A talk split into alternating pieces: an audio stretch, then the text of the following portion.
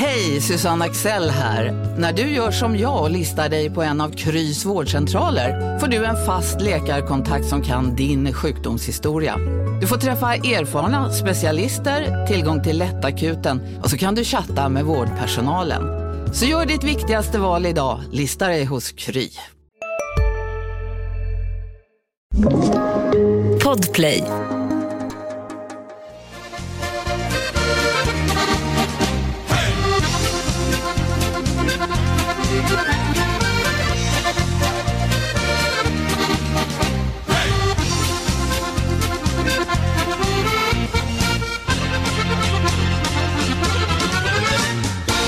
Ja men då så, än en gång kan jag hälsa er kära lyssnare hjärtligt välkomna till ett nytt avsnitt av Hockeypuls. Med mig idag har jag en herre som förra veckan stod för en av de galnaste silly season-veckorna i svensk hockeyhistoria.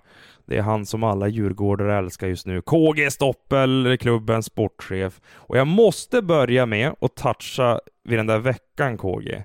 Alltså Marcus Kryger, Daniel Brodin, och John Norman. Alla tre utlandsproffs presenterade och klara inom loppet av tre dagar. Vad hände? Eh, nej, men det föll sig väl så lyckligt så att vi kunde presentera med ett svep. Det är en diskussion som har pågått under ganska lång tid och, och de spelarna var klara i ett tidigt skede för att spela SHL. Eh, men sen då när vi vart degraderade till Hockeyallsvenskan så var det en diskussion som behövdes göras om lite grann och diskuteras. Men, men eh, alla visade ganska tidigt att eh, de ville komma hem så att det gjorde det lättare. Sen så, så föll det så bra att vi kunde lägga dem tre dagar efter varandra. Men kan inte du för alla lyssnare här berätta om de första samtalen till Kryger, Brodin och Norman efter uttåget och vad de säger om Djurgården och det allsvenska äventyret som det, skulle, som det nu blir. Eh, ja, vi kan väl börja i nämnd ordning. Brodda ringde ju egentligen direkt och tyckte att det var skittråkigt men, men eh, eh, han ville ändå hem eh, och kände sig råtaggad. Det var väl egentligen det tydliga budskapet. Och, och så han ringde dig alltså? Han ringde, ringde mig. Och, okay. uh, jag tror att det var ett par dagar efter, va? Men, men han var väldigt tydlig med det. Eh, vad det gäller Kryger så fanns ju tanken där eh, och vi diskuterade och, och, för honom var det ju då viktigt också att det inte bara var ett, ett eh, ettårigt arbete utan eh, lika långsiktigt som, som det har varit tidigare när det var handlade om SHL. Och Norman? Eh, och sen, eh, ja det var, det var en eh, samma visa där genom att eh, också Kryger och Brodda hade bestämt sig tidigt så, så tyckte han där också var jätteintressant och det gick jäkligt fort där att få honom att bestämma sig också. Alltså, vilket signalvärde skicka det här till hela Hockeysverige och även andra spelare som ni kan tänkas prata med om kontrakt för Hockeyallsvenskan? Alltså, det är inte vilka som helst som bestämmer sig för att min framtid är Djurgårdens framtid. Nej, men det är klart att det är jätteviktiga signaler. Därför var det väl eh, för oss att eh, skapa någon trovärdighet utefter faktiskt också hur den föregående säsongen har varit så, så var det ju jätteviktigt att eh, sända det budskapet och också att det är eh, en långsiktig satsning. Det, det är liksom inget kortsiktigt. Nu bygger vi, bygger vi om och gör det långsiktigt eh, och hållbart. Eh, vi har haft de senaste åren en, en, vad ska man säga, trend eller tendens till att eh, tappa identitet i form av att tappa tappar många spelare med, med stark Djurgårdskaraktär. Långsiktigt säger du och att det ska vara hållbart. Um, det låter ju väldigt bra, men vad krävs för att man ska lyckas med det då?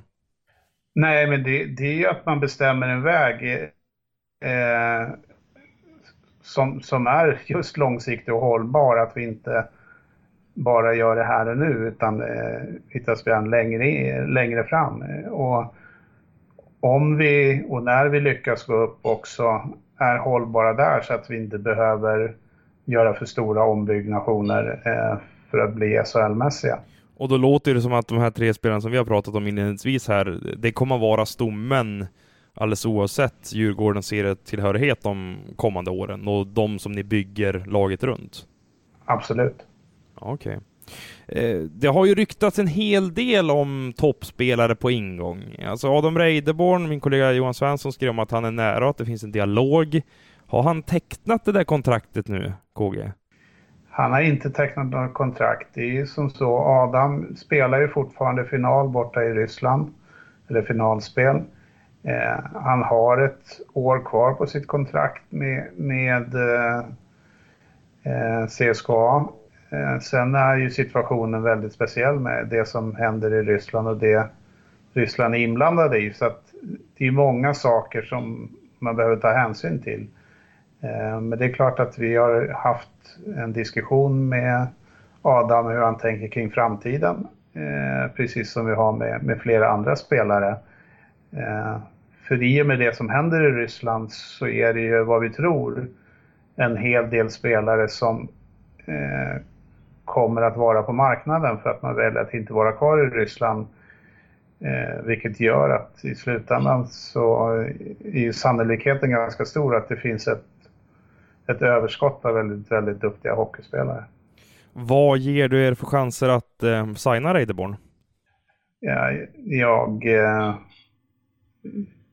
vad ska jag säga? Jag spekulerar inte i det, utan vi, vi för en dialog precis som vi gör med ett antal målvakter eh, av bra kaliber. Eh, och sen har vi våra prioriteringar. Okej. Okay. Men får Djurgården bestämma så drar Adam Reideborn på sig den där tröjan igen, kan jag tänka mig. Ja, vi skulle inte vara missnöjda. Dels för den, för den målvakt Adam är, han är jäkligt duktig, men han var ju faktiskt med på resan när vi gick upp förra gången. Två backar här då. Fredrik Claesson och Erik Gustafsson. Eh, Svenska fansredaktionen skrev om att ja, men det är klart, de återvänder. Eh, är det så? Eh, det är samma sak där. Det, vi har fört under lång tid egentligen genom att både Erik och, och Fredrik har varit borta i Nordamerika nu ett antal år och eh, kämpat på och krigat på utan att kanske riktigt nå det där etablerade. Erik har väl kommit lite längre där än Fredrik då, men eh, vi ser lite vad, hur, hur, hur, deras tålamod ser ut. Eh, jag har inte haft någon dialog med dem i närtid. Eh, men det har varit en löpande dialog och någon, en dialog som också Jocke hade före mig. Eh, att den dagen de väljer att flytta hem så ska Djurgården, eh, hoppas vi, vara det alternativ nummer ett. När pratade du mer om senast då? Eh, jag pratade med dem senast runt eh, årsskiftet, eller strax efter årsskiftet. Okej, så ni har inte diskuterat en framtid Nej. ihop efter att ni åkt ur alltså? Nej.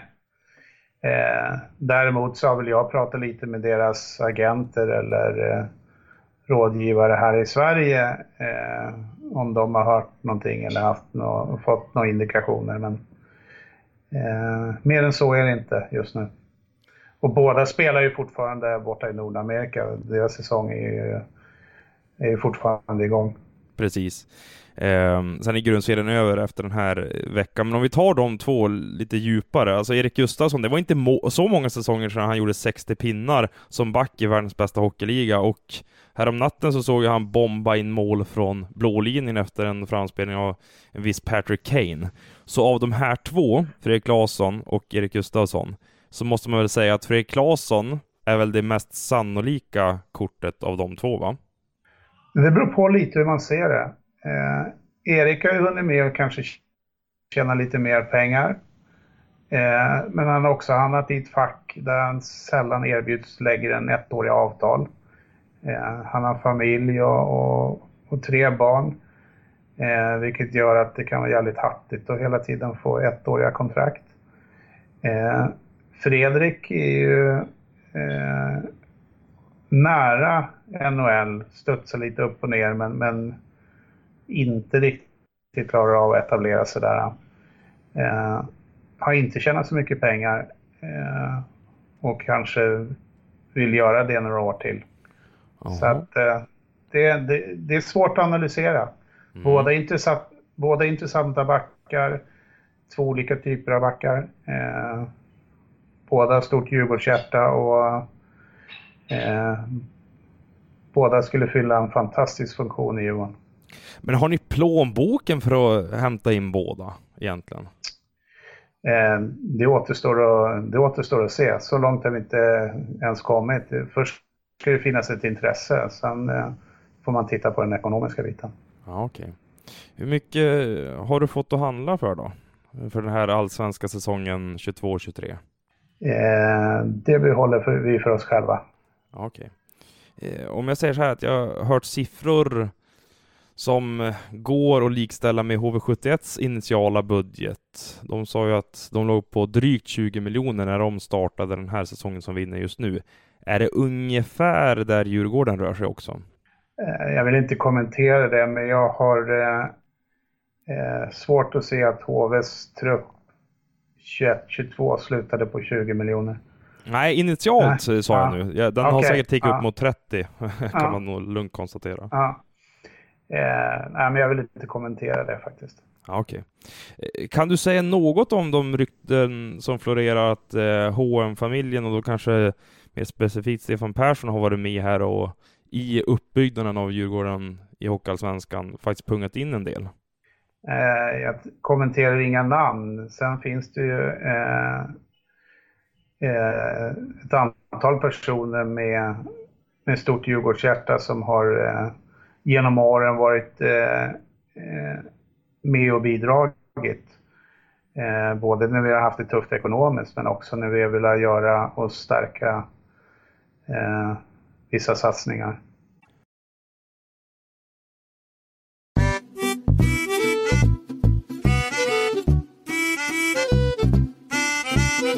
Det är ju ungefär precis en månad sedan ni förlorade kvalet mot eh, Timrå. Eh, din magkänsla där och då, och kanske även Thomas Kraft, nu är inte han med i podden här så han kan inte svara för sig, men kände ni att så här, okej, okay, hur kommer egentligen det här gå med den ekonomiska uppbackningen? Finns det sponsorer som kommer hoppa av? Vilka kommer att stanna? Jag vet att Sportbladet skrev två veckor efter uttåget att nej, det är många sponsorer som är osäkra. Eh, kan du ta oss igenom de här fyra veckorna och hur egentligen processen har sett ut med att säkra upp personer som kan hjälpa er ekonomiskt? Eh, det är väl egentligen, det är väl egentligen frågor som, eh, som kanske Thomas och styrelsen ska svara på, inte jag.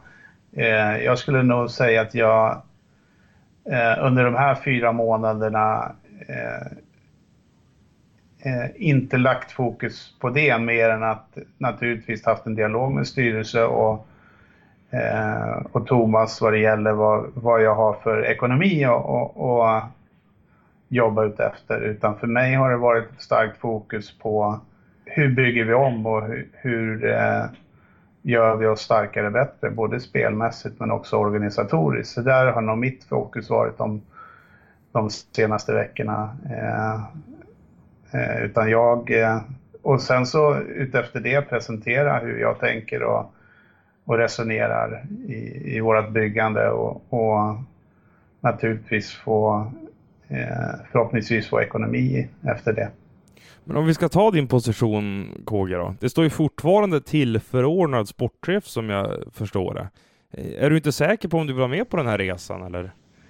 Eh, jo, men eh, eh vi närmar oss eh, en överenskommelse så att jag har ju sagt att jag är villig. Från början var jag inte villig att vara med på resan mer än till den 30 fjärde, men, men under resans gång så har ju saker och ting förändrats. Så att eh, jag är eh, inställd på att göra den resan. Så vi ska bara komma överens om de sista detaljerna, men det räknar jag med att vi gör.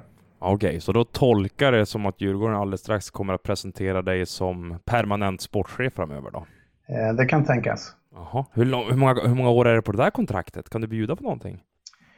Eh, det vill, jag vill inte gå in på det i detalj, men jag har väl sagt eh, eh, relevant är väl en, en, en, två till tre år i alla fall att eh, eh börja med det. Ja, Spännande.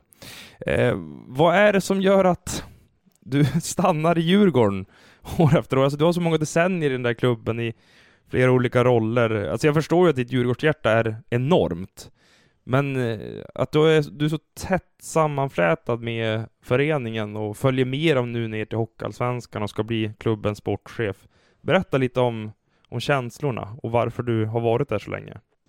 Eh, ja, men det, finns nog, det finns nog flera anledningar till det. Dels så, så eh, har jag naturligtvis starka, starka band och starka känslor för, för Djurgården. Eh, men sen också har jag haft en, en eh, civil situation med eh, min eh, fru som, som eh, eh var utomlands och bodde utomlands från att hon var 15 till att hon var 30. Eh, och eh, när hon väl flyttade hem så ville hon absolut inte flytta runt eller flytta någonstans utan det var Stockholm som gällde och då finns det bara ett ställe att vara på. Eh, och sen så har det där växt starkare och jag har känt att jag eh, Eh, haft roliga saker att göra i Djurgården och hela tiden utvecklas i och med att jag hela tiden haft nya tjänster. Så att det är väl där. Sen får vi se, nu börjar barnen bli vuxna och man vet aldrig vad som händer i framtiden. Men just nu är det Djurgården eh, som gäller och vi har en inspirerande uppgift framför oss. Eh, du, vi stötte ju på varandra några gånger under det där kvalet mot Timrå och pratades vid efter matcherna. Och du sa flera gånger att ja, men Djurgården reagerade för sent under grundserien och det kanske inte gjordes tillräckligt mycket och det här är någonting som ska diskuteras efter säsongen. Eh, nej, eller vill du flika in någonting där? Det lät som det. Nej, nej absolut. Okay. Eh, och jag... Vi är specialister på det vi gör, precis som du. Därför försäkrar vi på Swedea bara småföretag, som ditt. För oss är små företag alltid större än stora och vår företagsförsäkring anpassar sig helt efter firmans förutsättningar. Gå in på swedea.se företag och jämför själv. Välkommen till Maccafé på utvalda McDonalds restauranger med Baristakaffe till rimligt pris. Vad sägs om en latte eller cappuccino för bara 35 kronor? Alltid gjorda av våra utbildade baristor. Nyfiken på vad som har sagts innanför väggarna i Djurgården under de här veckorna där ni har haft en konsekvensanalys framför er med dels spelarsamtal men även tränardiskussioner. Vad var det som gick snett och om du kan utveckla lite det du berättade för mig under kvalet, att det reagerades för sent och kanske inte gjordes tillräckligt?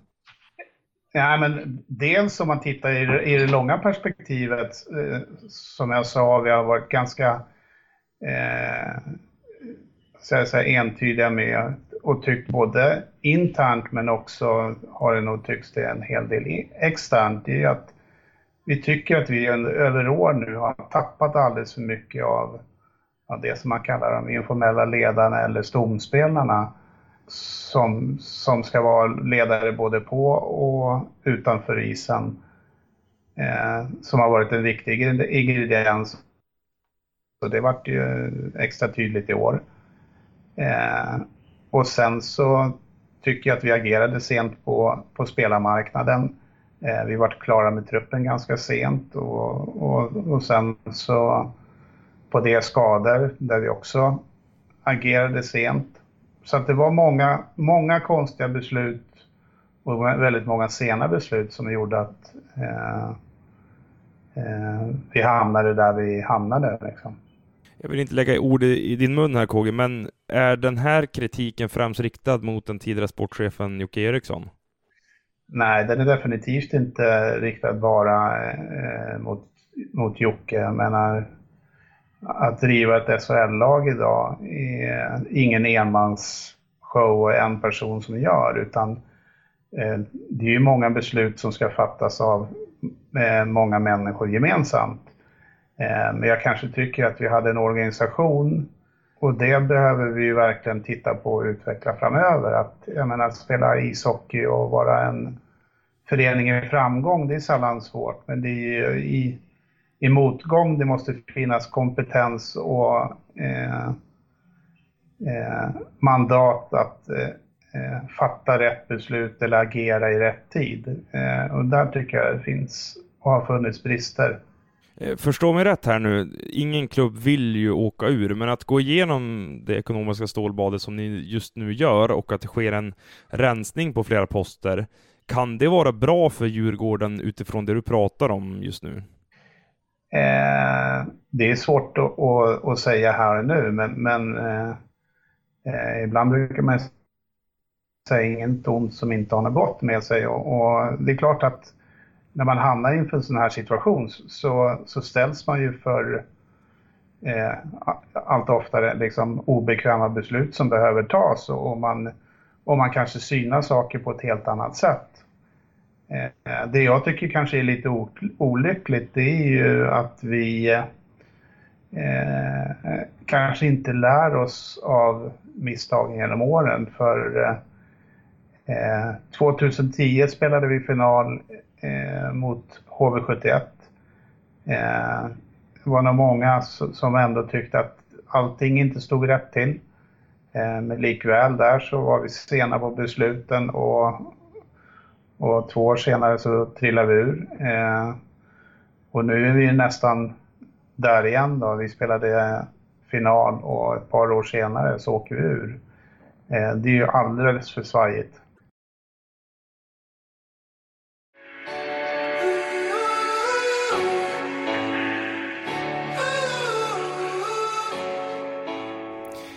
När kände du under säsongen här att äh, det här kommer inte gå? Det, det blir Hockeyallsvenskan för oss.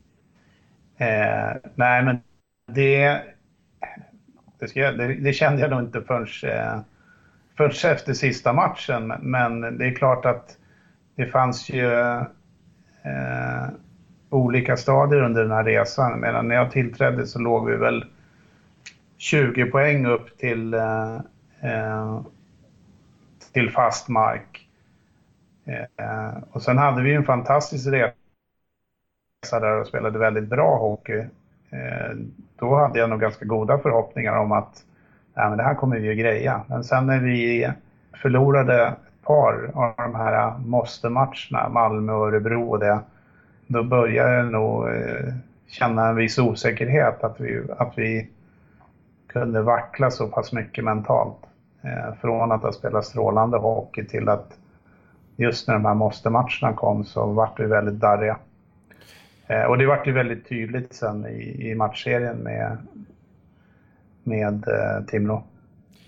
Det sades ju att eh, skulle ni stanna kvar i SHL, då hade Olle Alsing flyttat hem, att han hade kommit överens med er. Hur många spelare gick ni miste om nu, nu när det blev en degradering? Och hur stora delar av SHL-truppen hade du byggt klart?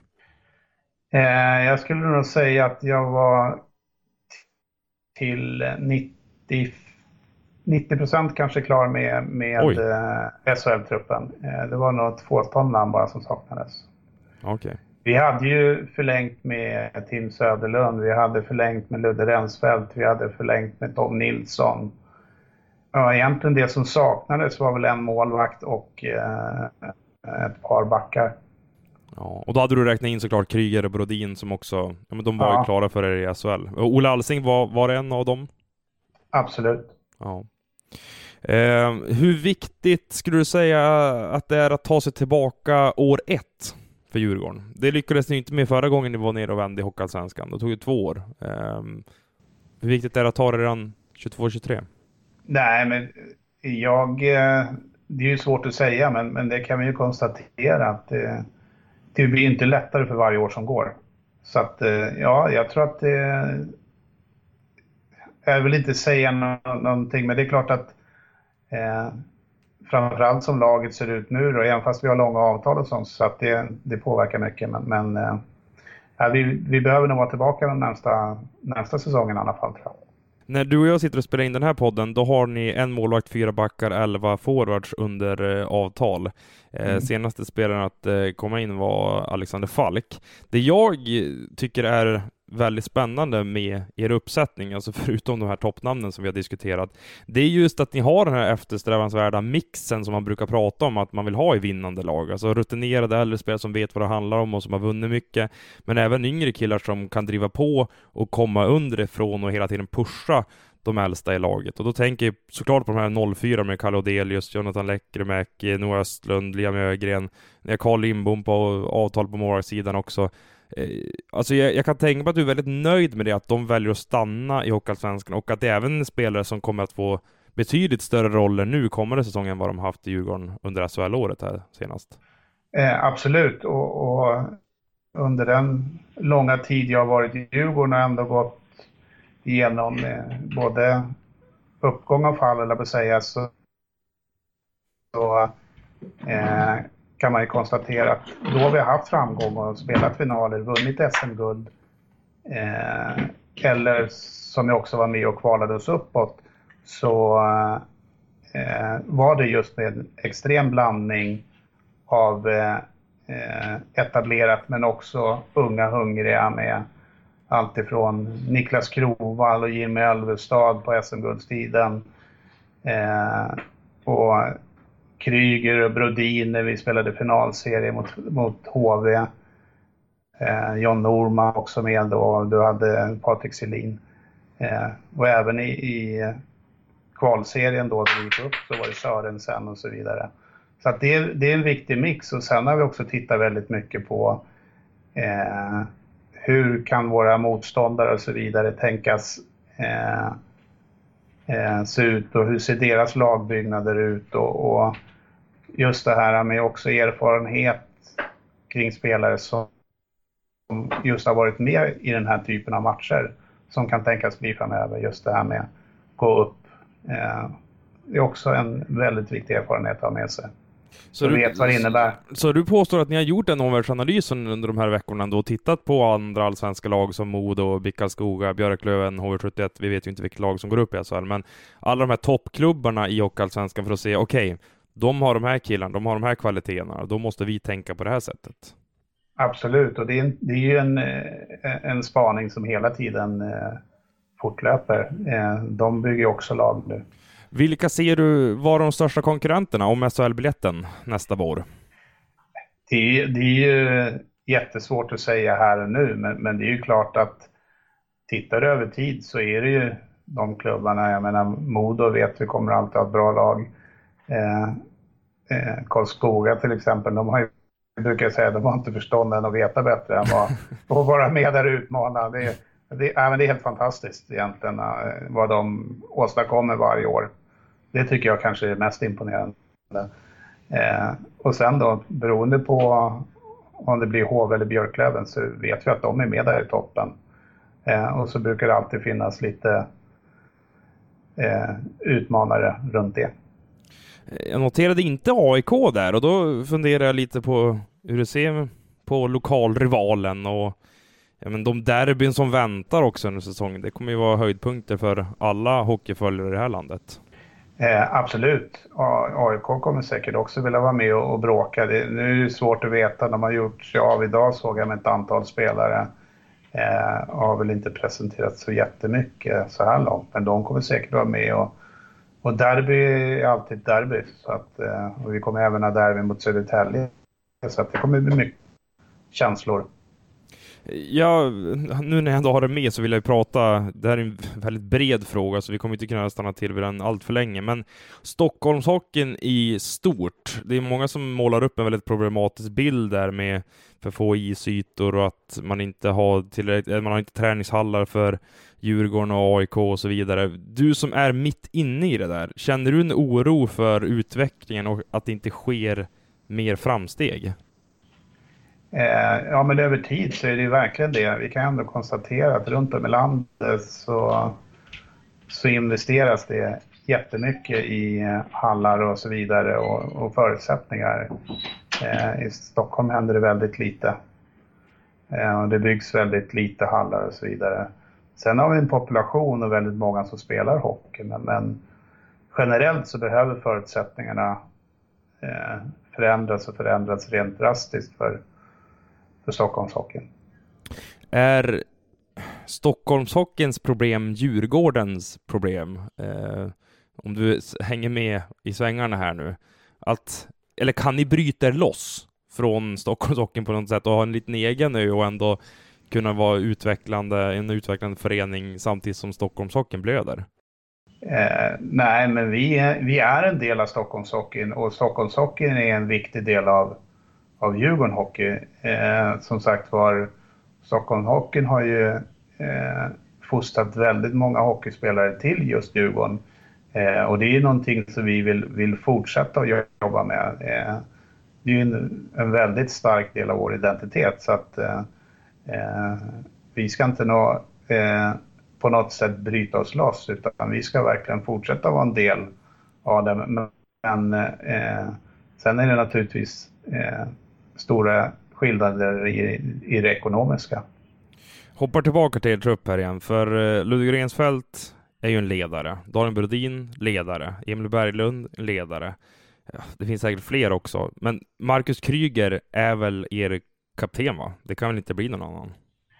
Eh, nej, men det är klart att han är en, en, en stark kandidat till det, men vi behöver väl samla gruppen och sätta det. Om vi kanske tyckte att vi hade få kaptener förra året så har vi ganska många alternativ i år. Eh, men det är klart att han känns som den initialt starkaste ledaren. Jag såg bland sport... många andra. Ja, bland många, absolut. Men jag såg att Sportbladet skrev att han har 175 000 i månaden i Hockeyallsvenskan och det måste vara det saftigaste kontraktet sedan Linus Klasens dagar i Malmö. Är det där en siffra som överensstämmer med vad du har i din budget för Marcus Kryger? Det är spännande att Aftonbladet eh, vet de siffrorna om de nu skulle stämma. Men, eh, nej, men det är klart att, att den typen av spelare har bra betalt. Eh, sen har de inte betalt som de skulle spela i SHL. Eh, om man får hitta Havervinke, men i övrigt så, så kommenterar jag inga siffror. Nej, eh, jag förstår det. Eh, sista frågan här. När eh, Djurgården Hockey på här sidan skrinar ut på isen nästa säsong i Hockeyallsvenskan. Vad vill du att publiken som sitter på läktaren ska känna för det laget då? Alltså vilka värden ska förknippas med herrlaget? Nej, men, men eh, det som traditionellt förknippar Djurgården med liksom hårt arbetande lag, det stark offervilja och eh, inte vika en tum, utan det ska vara jäkligt mycket hjärta och passion, men naturligtvis också eh, en fin hockey. Ja, jag tycker det blir bra slutord här. Um, Koji, vad, vad trevligt att få sitta här en halvtimme och snacka Djurgården med dig. Hur um, spänd är du på att få börja nästa säsong efter haveriet och missödet med att åka ur? Har det liksom börjat byggas upp en hockeyabstinens nu ändå? Absolut har det. Samtidigt är man så mycket här och nu också i att eh, bygga klart eh, den initiala truppen och komma igång med verksamheten och framförallt få, få träffa alla grabbarna igen. Men det är klart att eh, man är sugen på att komma igång och se hur saker och ting kommer till sig. Absolut. Du, stort tack för att du var med i Hockeypuls podcast. Tack så hemskt mycket Adam. Det var jätteroligt. Ja, det var väldigt trevligt. Och stort tack till alla lyssnare också som har hängt med här under den dryga halvtimmen. Adam.Johansson.Expressen.se för andra gästförslag eller tankar eller funderingar. Eller så finns Hockeypuls på Instagram också sedan någon månad tillbaka. Så eh, följ oss där.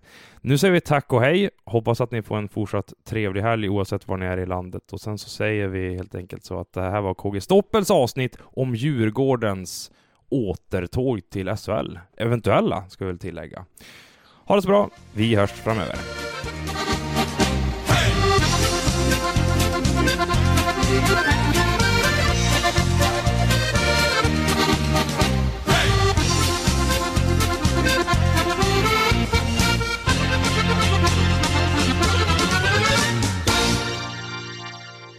Du har lyssnat på en podcast från Expressen. Ansvarig utgivare Klas Granström